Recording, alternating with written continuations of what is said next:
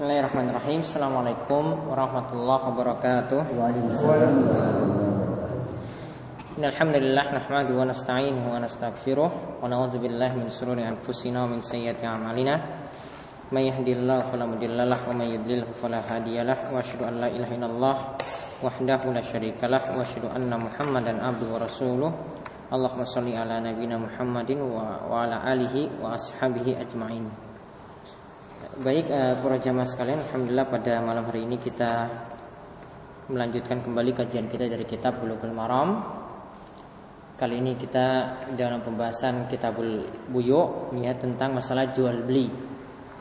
Ini, kemarin kita sudah bahas hadis pertama dan hadis kedua dari kitab ini, dari Kitabul Buyu ini. Kita akan melanjutkan pada hadis-hadis selanjutnya dan perlu diketahui bahwasanya uh, yang dibahas ya, pertama kali adalah tentang syarat uh, dan larangan ya atau jual beli yang terlarang. Ya tentang syarat dan jual beli yang terlarang. Dan ini sangat penting sekali karena jika seorang mengetahui hal ini maka kerjaan dia atau pekerjaan dia yang dia kerjakan itu nanti akan membuat barokah Ya, artinya jika dia tidak mengetahui hal ini, maka nanti jual beli atau pekerjaan dia nanti ya jadi pekerjaan yang haram dan nanti hasil yang dia peroleh jadi tidak berkah, tidak mendapatkan kebaikan yang banyak. Kita lihat sekarang hadis yang ketiga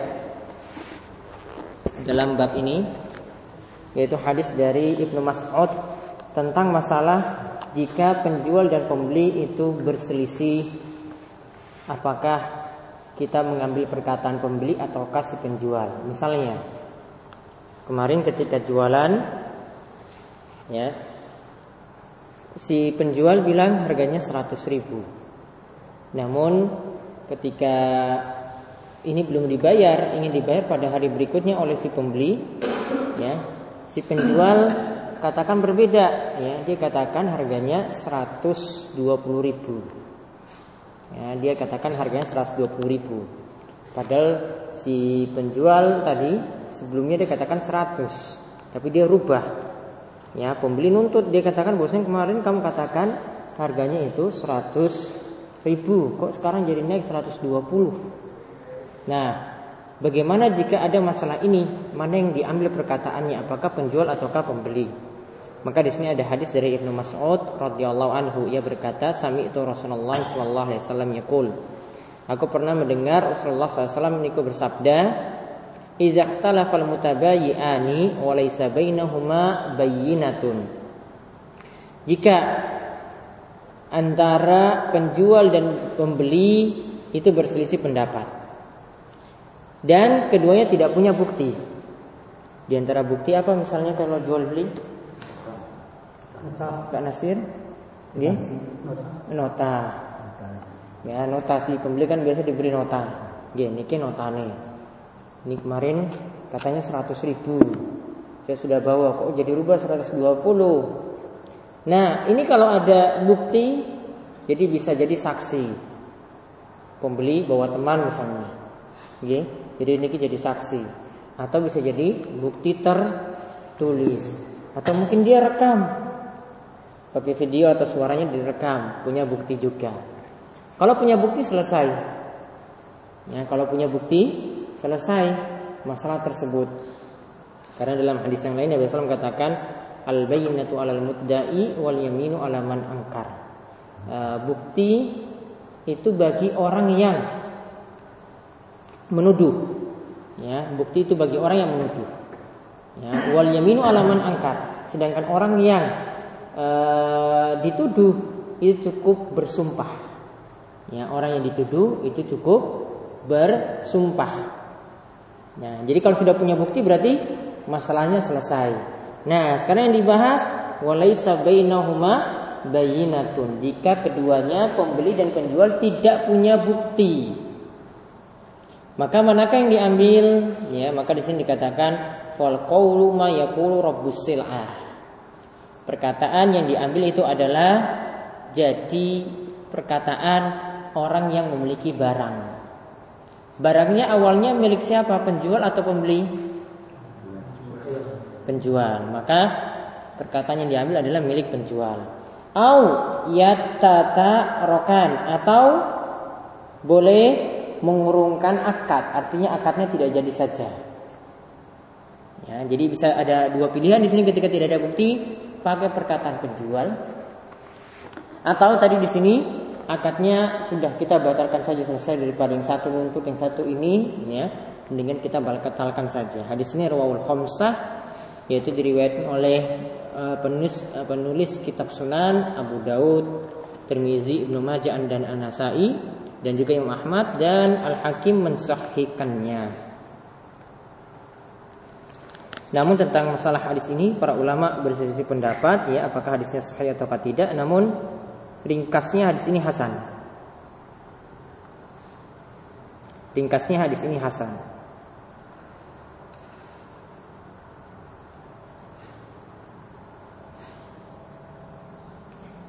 Jadi kalau hadis ini Hasan berarti dalam perselisihan seperti ini kita rinci jadi dua.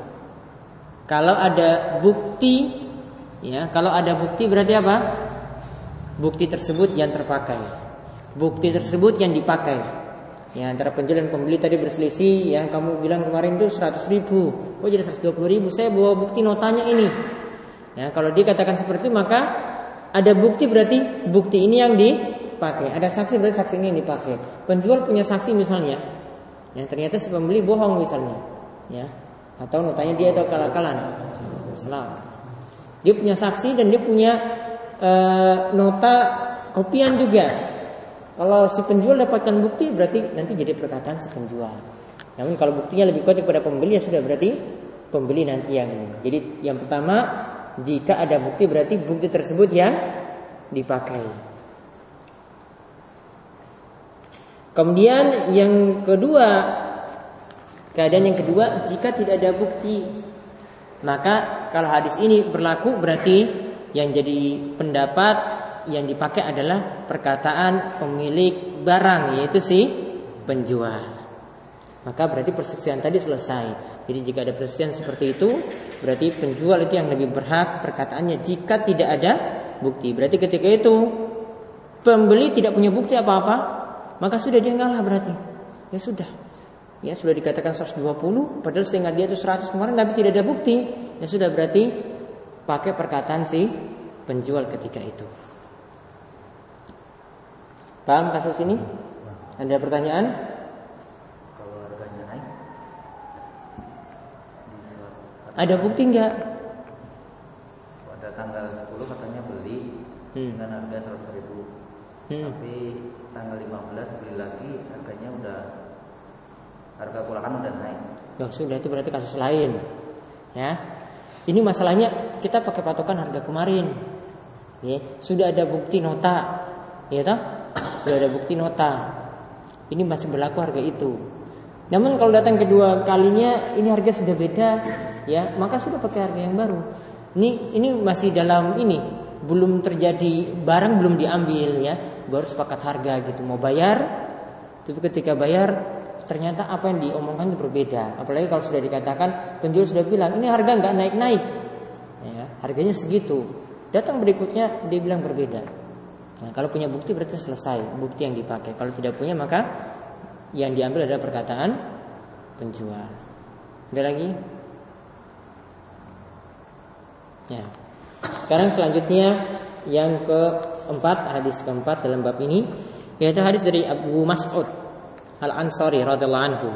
Bahwasanya Rasulullah SAW ya naha an samanil kalbi wa mahril bagi wa mahril bagi wa hulwanil kahin. Mutafakun alaih. Itu Rasulullah SAW melarang tiga macam pekerjaan yang terlarang. Atau tiga macam penghasilan yang terlarang. Yang pertama sama nilkal upah jual beli anjing upah jual beli anjing upahnya haram hasil penjualnya itu haram itu pekerjaan yang haram Kemudian yang kedua upah pelacur. Upah pelacur berapa biasanya? Hah? Seribu. Seribu kalau 60 tahun.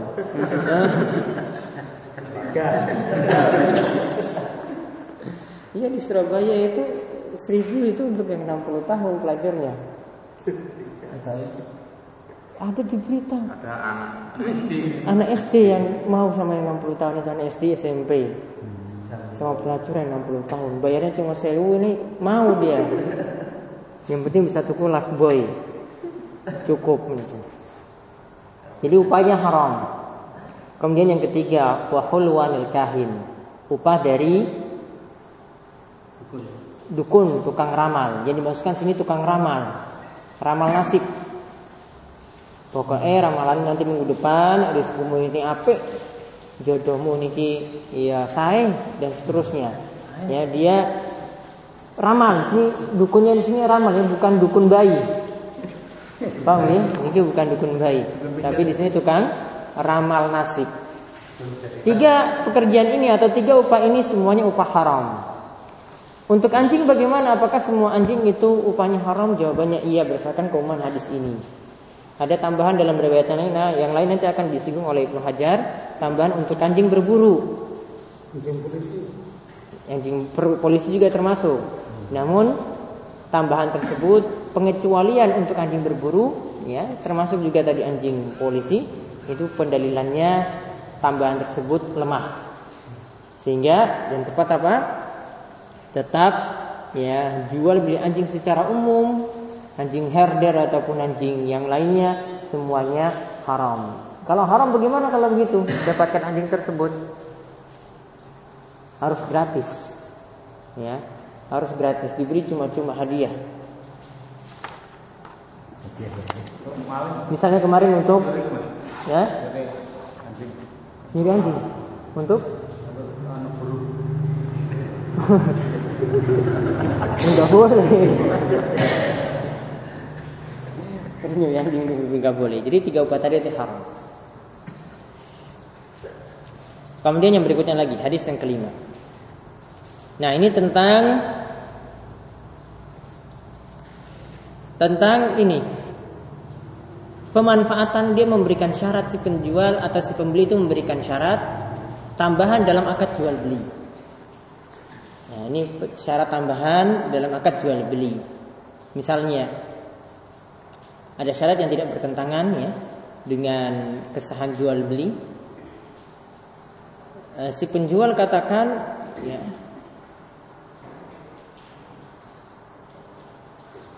Nah, misalnya pembeli ya.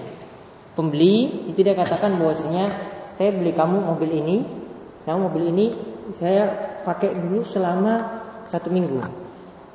Sudah beli, tapi dia bilang saya pakai dulu satu minggu, nanti baru setelah itu saya kembalikan. Ini syarat tambahan saja dibuat ya. Jadi dalam jual beli syarat itu ada dua macam. Syarat itu ada dua macam. Yang pertama syarat yang berkaitan dengan akad jual beli yang membuat sah atau tidak. Syarat yang berkaitan dengan akad jual beli yang membuat sah atau tidak. Seperti misalnya kalau melakukan jual beli harus saling ridho. Nggak boleh barangnya cuma diambil saja terus tidak ya diambil dengan paksa. Diambil ya dengan paksa. Ini saya kasih uang 100 ribu. Saya ambil barang tersebut. Kalau ambil dengan paksa tidak dengan ridho, maka jual belinya tidak sah. Ya, jual belinya tidak sah. Kemudian jual beli harus dilakukan oleh pemilik yang sah misalnya. Tidak boleh ini bukan barang kita, kemudian kita jualkan barang tersebut. Harus sampai barang tersebut milik kita atau kita jadi wakil. Nah, ada syarat yang kedua yang di sini. Ini syarat tambahan. Ya, syarat tambahan atas kesepakatan antara penjual dan pembeli. Syarat tambahan atas kesepakatan antara penjual dan pembeli. Terus anaknya juga anak yang dewasa mais Ya itu syarat yang berkaitan dengan tadi yang pertama itu ya. berkaitan dengan akad jual beli sah atau tidaknya. Maka ketika melakukan jual beli harus dilakukan oleh yang sudah punya sifat rusdu. Kalau anak kecil nggak boleh sampai dia itu tamis. Ya sebagian ulama katakan sampai dia itu tamis. atau bisa membedakan antara yang baik dan yang buruk. Nah, kita lihat dulu hadis ini baru nanti kita terapkan.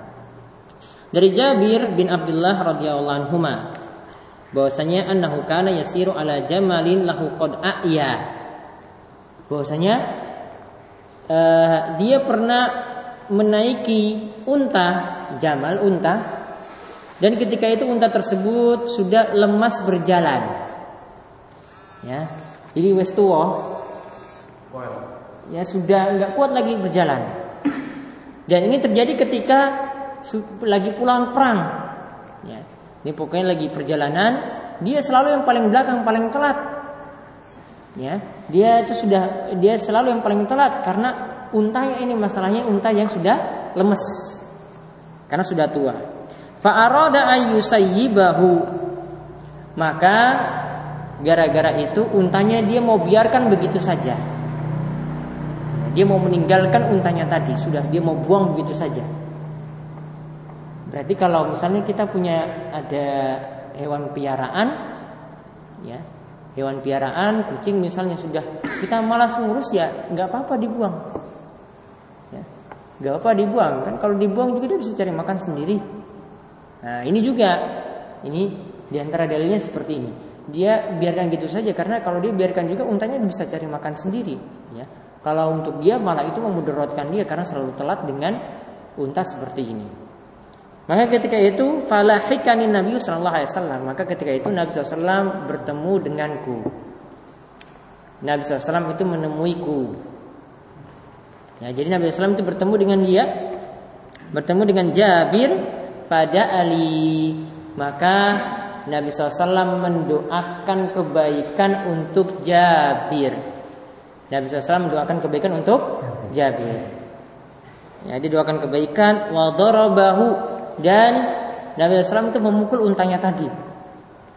Dia pukul tepuk. Terus setelah itu fasara sayran lam yasir mislahu.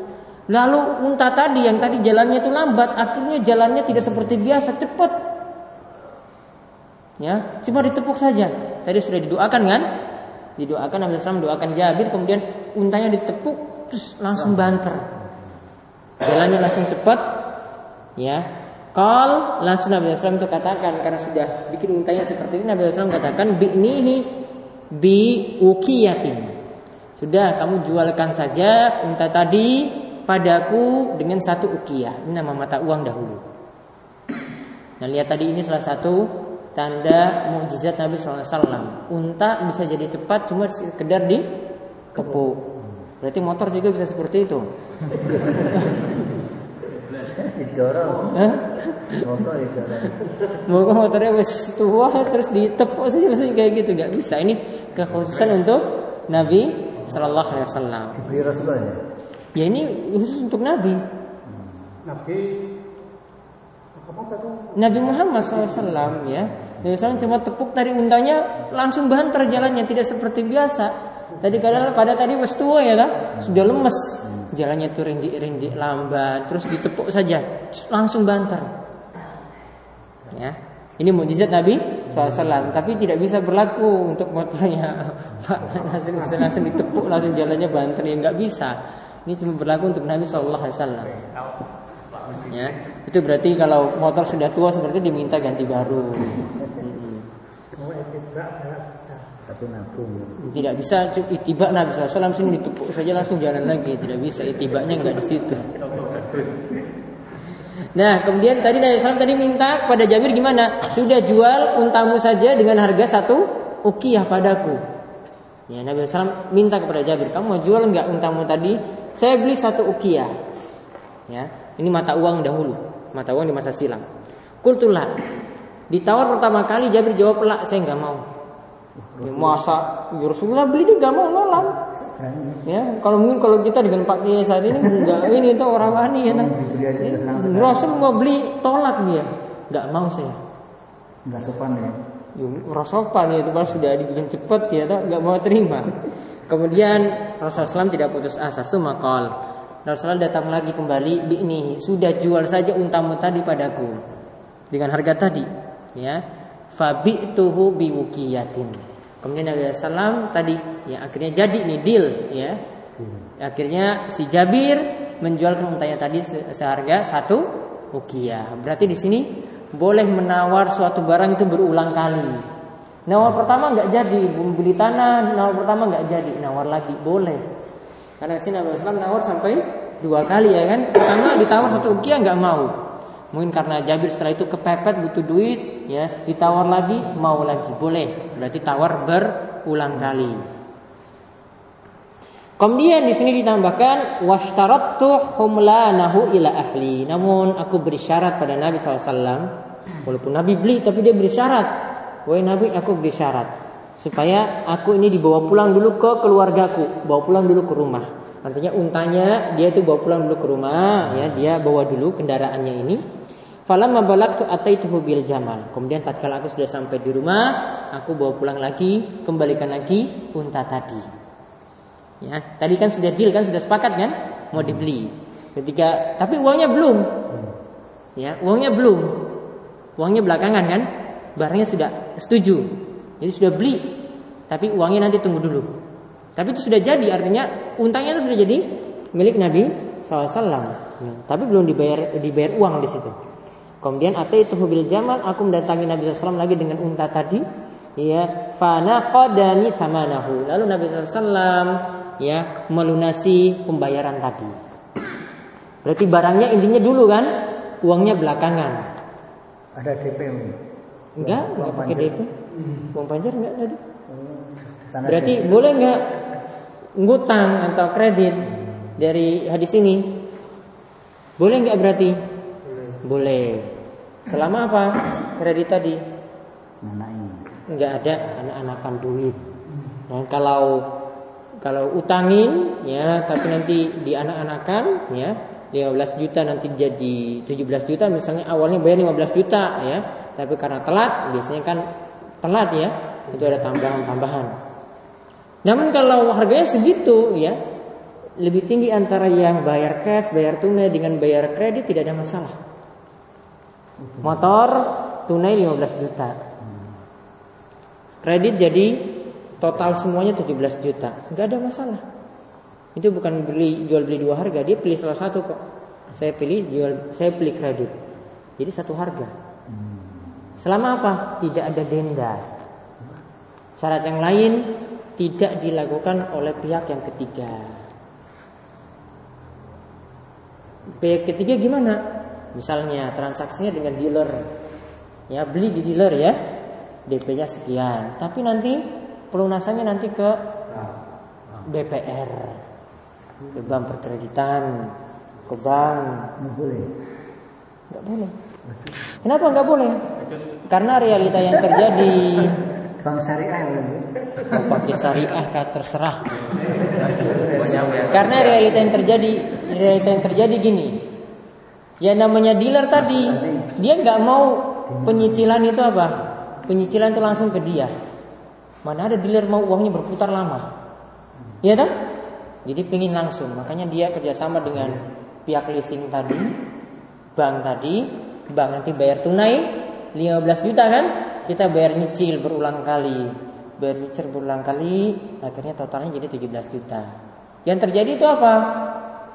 BPR tadi pinjamin kita 15 juta, suruh kembalikan 17 juta. Riba atau tidak? Hah? Ini penting sekali. Riba atau tidak? Riba atau tidak? Riba. Riba. Kenapa ribanya? Nambah. Nambah dari utang tadi. Bank mungkin nggak beli motor tersebut. Nggak mungkin. Aturan regulasi dari Bank Indonesia, bank namanya bank di Indonesia tidak boleh melakukan transaksi jual beli. Itu regulasi sudah jadi aturan. Jadi nggak mungkin bank itu lakukan jual beli sama kita nggak mungkin. Regulasinya aturannya sudah seperti itu. Jadi kalau ada bank jual beli itu bohong. Yang ada bank pinjamin uang.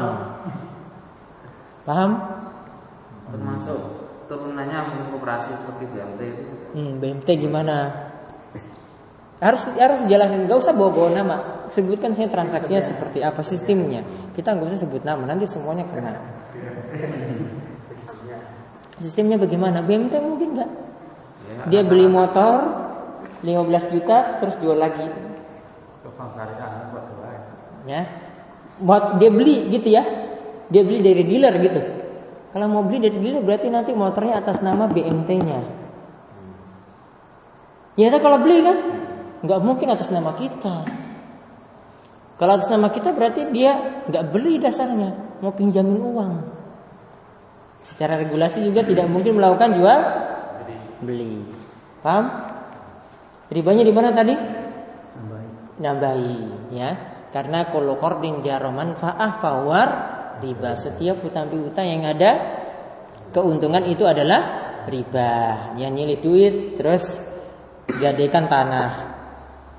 Tanahnya iki dinggo sing ngutangi. Ditanduri. Ditanduri. Ada manfaat nggak yang diambil? Itu malah boleh ya. Hmm. Ada manfaat nggak diambil? Ada. Ada ditanduri, diambil hasilnya. Walaupun tanahnya kayak gitu-gitu terus, tapi ada pemanfaatan dari barang gadean. Kembali ke kaidah tadi, setiap utang piutang yang ada manfaat, manfaatnya bisa uh, duitnya dianakan atau barang gadeannya tadi yang dimanfaatkan. Itu termasuk riba. Walaupun sama-sama itu Ridho tidak boleh dalam hal yang diharamkan. Anak bapak saya ambil belum ada akad nikah, dia sudah senang sama saya, terus ya, saya suka sama suka dengan dia berzina. Apakah ini jadi halal?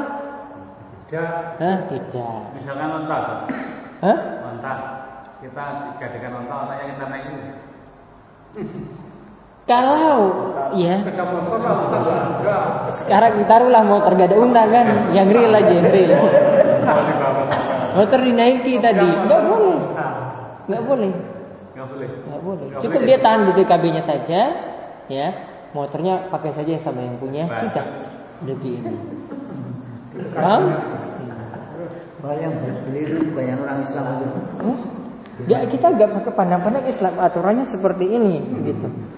Nggak pakai orang yang punya itu Islam, yang transaksi itu Islam. Kita pakai aturannya sekarang. Islam aturannya seperti ini. Monggo mau diikuti ya monggo silakan. Kalau makan riba ya monggo, mau transaksi dengan riba ya monggo. Aturannya sudah seperti ini.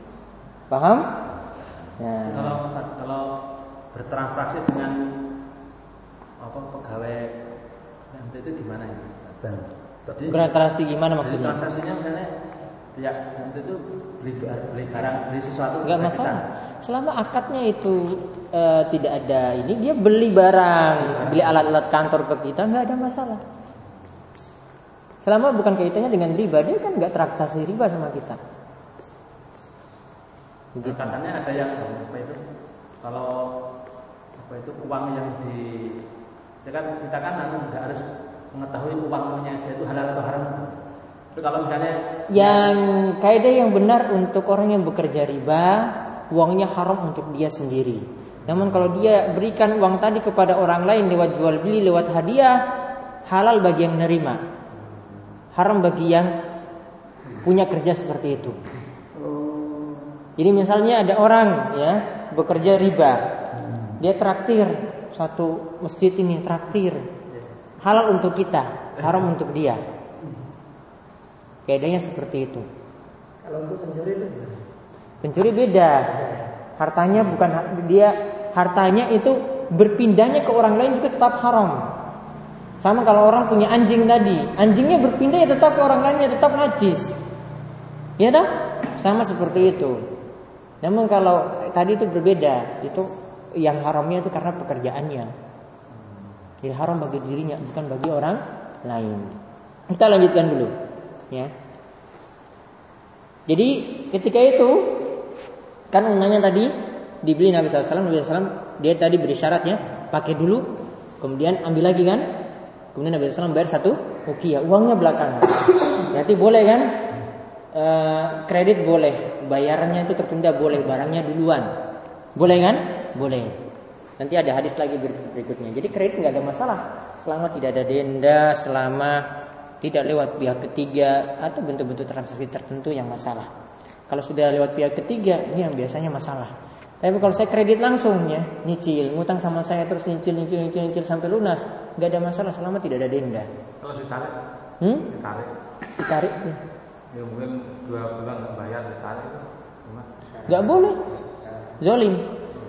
Misalnya saya utangi motor ya, terus nggak lunas ditarik motor tadi nggak boleh karena ketika sudah terakhir seperti itu motor sudah jadi milik yang yang beli tadi. Kalau syaratnya di depan Hah? dikasih syarat dulu. Nanti Syarat yang batin. nggak bisa bayar, Syarat yang batin. Itu masuk ke syarat yang pertama. Itu syarat tambahan yang tidak dibolehkan. Kalau menjawab banyak nih jawabnya kecil sedikit. Hmm. Pertanyaannya banyak nih menjawabnya sedikit. Adil. Mas menjawabnya. Dan dia Biasanya itu lama nggak pasang itu Ustaz. Lama nggak pasang kok diambil motornya. nggak pas itu nggak stop, nggak jawab. Nggak boleh. Karena apa?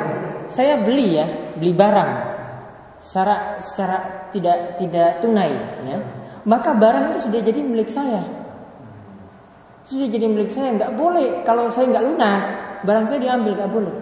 Gini Ustaz, kalau kita beli ya, motor saja ya, mas motor, beli motor kan, kadang nanti masalahnya itu kayak ditarik. Jadi kadang kasus kita itu kita ambil barang-barangnya, kita tukar dengan ondisi yang jelek-jelek gitu.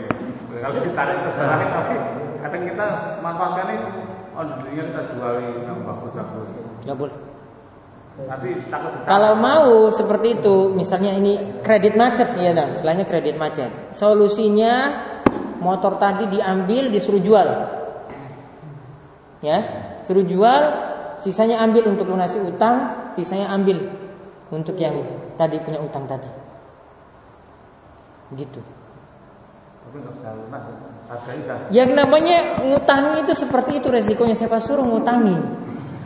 Ngutangi itu bukan untuk bunuh orang, untuk nolong. Masa ketika ngutangi mau nolong kok sekaligus ditikam? Bukan, resiko ngutangnya orang seperti itu. Makanya Nabi SAW itu selalu dijelaskan kalau ngutang itu ibaratnya sudah mau sedekah kepada orang, sudah separuh dia sedekah. Sedekah. Bisnis mengutang. Nah itu, itu namanya ngutang sekaligus bunuh orang. Ini belum masuk belum masuk riba ini, ini baru mukodimah ini. Ya. Sudah ya, kita kembali dulu sebentar. Nabi SAW lunasi e, pembayaran unta tadi, summa roja'tu fa arsala fi athari. Kemudian aku kembali, ternyata Nabi SAW suruh ada or, satu orang untuk nguntit ya si Jabir, untuk ma- mata-matai si, si Jabir. Fakal, kemudian Nabi SAW itu mengatakan, ataroni ma kastuka li akhudha jamalaka? Kamu kira kata Nabi SAW ya pada Jabir. Kamu kira tadi aku tawar-tawar barangmu tadi? Kamu kira aku ingin mengambil barangmu mengambil untamu? Kemudian Nabi SAW untuk kebaikan ya si Jabir khus jamalaka wa darahimaka fawalak sudah kamu ya ini ambil saja untamu itu untukmu uang ini juga ambil saja untukmu semuanya saking baiknya karena Nabi itu ingin menguji Jabir. Jabir kok bisa sampai menjual untanya tadi? Ingin hidup zuhud. Jadi Nabi SAW mengujinya tadi mau beli. Karena dia mau jual betul. Ya. Kemudian Nabi SAW sudah tahu kondisinya Jabir seperti itu sudah. Dia kasih unta sekaligus dengan uang yang tidak dia ambil lagi. Hadis ini muttafaqun alaih dan ya di Bukhari dan Muslim, ya riwayat Bukhari dan Muslim dan lafaz ini adalah riwayat Muslim. Hadisnya orang kaya. Hmm? Hadisnya orang kaya. Jadi paham hadis tadi? Ada pertanyaan? Hadis tersebut ada pertanyaan? Cuma mata-matai seperti itu tadi boleh. Iya boleh. Menyelidiki loh orang. Menyelidiki aja biasa. Ada ada pertanyaan? Ustaz, kalau itu kan biasanya itu lebih mahal daripada kita pakai. Ya resiko. Ya. Heeh. Lu gimana tuh ya apa yang apa itu yang menjalani kredit seperti motor itu apa atau barang yang lain apa enggak menjalankan sistem riba ya? Jadi solusinya, nah ini memang eh, kalau maaf kalau misalnya eh, harganya sama kan kita ambil kredit iya nggak masalah kredit itu lebih tinggi daripada tunai. Oke, itu nggak ada masalah. Namun sistem pembayarannya ya dan sistem kepemilikan barang tadi itu Nah, ini ini belum selesai nanti ada pembahasan. Kita kalau mau jual barang pada orang lain kita harus miliki dengan sempurna terlebih dahulu. Barang tersebut sudah atas nama kita. Baru boleh jual lagi pada orang lain. Kalau ini kita beli beras misalnya, berasnya sampai ditimbang dulu ya. Jadi milik kita baru kita jual lagi pada orang lain. Nggak boleh langsung pindah seperti itu saja. Ya. Padahal itu belum jadi milik kita secara sempurna. Gitu. Jadi nggak boleh seperti itu. Hmm. Resiko memang karena waktu yang lama ya kredit harus lebih tinggi memang daripada yang tunai. Namun cara kreditnya nanti seperti apa? Jadi kalau motor misalnya solusinya tadi kalau motor kalau mau jual beri kredit misalnya kita jual motor second ya, ya boleh. Jadi pembayarannya dengan kita saja ya. Nanti sampai pelunasan seperti itu. Tidak ada denda, ya, tidak ada pelanggaran-pelanggaran yang lainnya. Makanya untuk zaman ini lebih enak itu beli barang-barang itu cash. Kalau kredit di mana-mana itu nggak selamat dari riba. Kalau kredit itu biasanya perjanjiannya sewa beli. Sewa beli, terus Sewa beli. itu untuk karena untuk mengambil lagi kalau nggak bisa. Boleh. Kalau di bank syariah begini Ustaz. Jadi Gak usah sebut-sebut nama banknya. Bilang aja transaksinya seperti apa. dalam memalukan Ustaz ya. Tidak. Pokoknya salah satu bank itu ini saya punya motor ya. Motor saya kan butuh uang saya bawa ke sana. Hmm. Digadekan berarti. Motor sampai saya beli 15 juta. Hmm. Terus Terus saya jual lagi sama kamu cuma 10 apa, 20 juta. itu namanya transaksi ina. Ini Ina itu ya kita punya barang jual pada orang lain. Ya, saya jual padamu barang ini secara kredit. Kamu bayar nanti ke saya secara kredit. Namun beri- eh, waktu berikutnya lagi mungkin minggu depan dia datang lagi. Saya beli barangmu dengan harga yang lebih rendah. Secara cash. Dia tadi nyicil suruh bayar 20 juta. Ya. Terus dia tarik barangnya lagi, dia bayar cash 15 juta saja. Jadi dia ingin sebenarnya pinjamin uang 15 juta, kembalikan 20 juta. Ya, itu. Nah, berarti dia akal-akalan riba. Seolah-olah itu transaksi jual beli. Ya Dan ini kan saya tadi sudah bilang regulasi Bank Indonesia gimana? susah. Regulasi gimana? Ya ya nggak mau. Iya, segitu regulasinya. Makanya apa-apa ya sabar. Mau, mau bikin rumah ya sabar, ya, nyicil nyicil nyicil punya rumah dewe. Motor ya sabar, ya. Nyalain. Heeh. Nanti juga punya. Ya, lebih enak punya cash daripada punya kredit mikir pipilan terus, belum lagi ribanya Ada yang mikir. gadget bisa dimanfaatkan. Hah? Gadget bisa dimanfaatkan. Itu Ada pendapat nggak? Saya nggak. baik menyelisih ijma nanti itu. Tapi ada tuh. Enggak ada. Nggak boleh ngambil manfaat dari itu. Sebenarnya masalah unta itu. Itu unta, itu unta betina. Motor ada yang betina. unta betina dia punya susu. Ketika susunya tadi nggak diperas kan untanya sakit. Makanya harus diperas. Diperas dimanfaatkan oleh yang ngutangi. Ya, meras tapi dia ganti uang. Dia ganti, dia manfaatkan unta tadi tapi dia ganti sekadar dengan susu yang dia tarik. Jadi sebenarnya jadi ini kosong. Dia manfaatkan tapi dia juga ada imbalan. Begitu. Coba yang tadi manfaatkan sawah, ada imbalan nggak? Nggak ada. Ini butuh, ini juga ada ada kebutuhan karena kalau dibiarkan susunya tadi, dibiarkan dalam ini terus ya, si betina ini bisa sakit nggak diambil, ditarik susunya. Kalau mo- motor katakanlah nanti kalau cuma dibiarin malah karton dong kalau di- dijalankan mungkin. Kenapa nggak BPKB-nya saja yang ditahan? Oh, Motornya sudah yang itu dia pakai terus. ya. Makanya suruh kita dalam itu banyak televisi kita putar juga televisi yang. Dipegang BPKB-nya. Dipegang yang yang surat yang, yang paling bagus itu itu. Apa lagi? Bacut ya. Satu hadis lagi kita bahas. hukum menjual budak-budak bar. Yaitu ada hadis dari Jabir bin Abdullah radhiyallahu anhu ya, ia katakan A'taqa rajulun minna abdan lahu anduburin.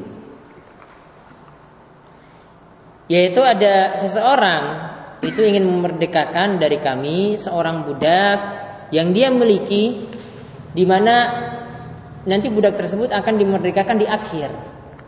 Maksudnya jadi ada istilah dalam perbudakan ya, perbudakan di di masa Islam, perbudakan kalau majikannya mati yang tuannya itu mati, maka budaknya itu merdeka. Ya, budaknya itu merdeka. Jadi budak ini sudah dijanjikan sama tuannya. Kalau kamu mati, eh, kalau kalau majikannya itu mati, budak ini merdeka. Kemudian lam yakun lahu malum ghairu. Namun majikannya ini tidak punya harta yang lain selain budak itu. Jadi dia punya budak kan, kalau majikannya mati, budaknya merdeka. Namun dia punya harta cuma itu tapi dia punya utang. Jadi dia punya utang ya. Kalau mati kan harus dilunasi utangnya kan. Terus punya budak, ini harta juga. Budaknya ini bisa dijual sebenarnya. Tapi budaknya tadi janjinya tadi kalau mati nanti merdeka. Ya, bebas. Maka pada abihin Nabi SAW faba'ahu. Maka Nabi SAW itu panggil budak tadi maka Nabi SAW itu menjual budak tersebut. Mutafakun yang lain hadis ini diriwayatkan oleh Bukhari dan Muslim. Maksud tadi sini lihat ada utang. Dan orang yang mati ini punya harta yang berharga yaitu budak. Budak ini tidak dipilih dia merdeka, tapi budak tersebut diambil, dijual, hasil menjual budak tadi dipakai untuk lunasi utang. Berarti apa kesimpulannya? Utang itu lebih didahulukan daripada pembebasan budak. Ya, artinya di sini kalau kita ketika meninggal dunia punya ada utang dengan harta waris, ya mana yang lebih dahulukan? Utang lebih dahulukan untuk dilunasi daripada untuk masalah pembagian waris. Utang lebih didahulukan. Ada utang, ada eh, pengurusan jenazah. Ya. Ya. Kalau ada pengurusan jenazah, pengurusan jenazah lebih didahulukan. Jadi urutannya untuk masalah masalah mayit ya urutannya itu dari pengurusan jenazah dulu hartanya diambil setelah itu baru utang dilunasi ya utang ada yang berkaitan dengan sesama manusia ada yang berkaitan dengan Allah misalnya ada utang utang e, memberi makan kepada orang miskin ya dan seterusnya ya utang yang kedua kemudian yang ketiga wasiat baru yang keempat itu waris jadi utang masih lebih didahulukan urus jenazah, utang, wasiat. Urus jenazah, utang, wasiat, waris. Waris terakhir. Seandainya untuk yang yang utang urus jenazah, urus jenazah, utang dan wasiat ini sudah habis. Dan wasiat tidak boleh lebih dari seperti harta ya. Sudah habis. Ya, terutama misalnya utang nih, urus jenazah sudah, kemudian utang sudah. Dilunasi dengan hartanya tidak punya waris ya sudah, tidak ada pembagian harta waris. Utang lebih dahulukan. Ya. Jadi dari hadis ini sudah jelas menunjukkan utang ini sangat penting dahulukan daripada walaupun situ budak ingin dibebaskan. Jadi budaknya tidak jadi merdeka, dia malah dijual untuk lunasi utang. Ada dari saya enggak jalan menjual dia punya utang enggak ada. Hah? Ini dari siak dari oh. konteks hadis ini. Pada itu ini memaafkan maka hmm. utang. Ustaz, kalau utang itu apa ada ada anjuran supaya disedekahkan. Pada surat atau disedekahkan gimana maksudnya? Ain kanu dimusnatin fanadunatun ila misal. Hmm. Ya. Jika punya utang tidak bisa dilunasi pada jatuh tempo, maka hendaklah yang pemberi utang itu memberikan tempo waktu, jangka waktu. Jika ingin bersedekah, artinya utangnya diputihkan, maka itu lebih baik. Jadi ada anjuran ya? Ada anjuran, anjuran untuk memutihkan. Itu lebih baik daripada sekedar untuk memberikan tempo waktu. Ada lagi? Itu ini kaitannya dengan yang uh, pendahulukan utang daripada harta waris tadi. Ketika mungkin harta waris tadi dibagikannya belum meninggal, hutang itu jadi tanggungan anaknya atau cuma nanti dihisap di akhirat gitu, tanggungan mayit. Warisan itu setelah hmm Warisan itu ada setelah Belum meninggal nggak ada warisan. sebelum meninggal nggak ada warisan. Jadi sudah dibagi-bagi itu loh, apa hartanya kepada. Itu emang memang nggak boleh kan? Ya jadi hadiah berarti. Itu gitu. Hmm. Dan itu setelah itu tidak ada warisan lagi. Utangnya di mana ya? Tapi harus utangnya nanti pokoknya orang tuanya harus dilunasi utangnya. Tanggungan anak. Nanti. Itu lunasinya itu itu apa sebelum disyaratkan atau sudah dimandikan gitu. Nah, tidak dipersyaratkan, boleh setelahnya.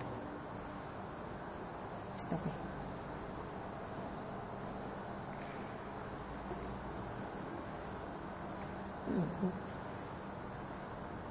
Ada lagi? Riba belum ya, tapi kalau mau tanyakan tentang masalah riba tadi ada satu hadis Rasulullah itu nggak mau menyalahkan karena Karena ada yang punya utang. belum iya, Utangnya belum dilunasi. Hmm.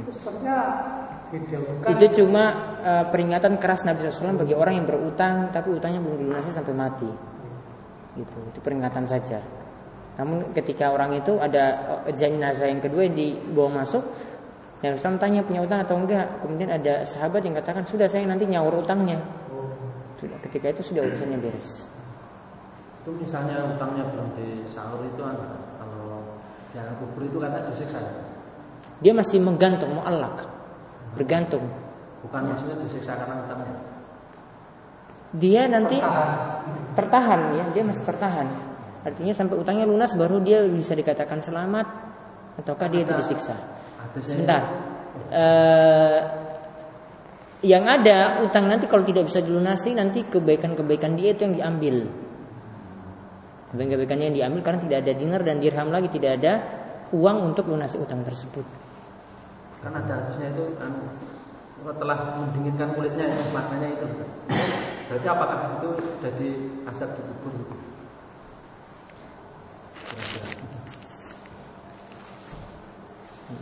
Terus nanti berkaitan dengan misalnya apa itu? Kan ada itu loh.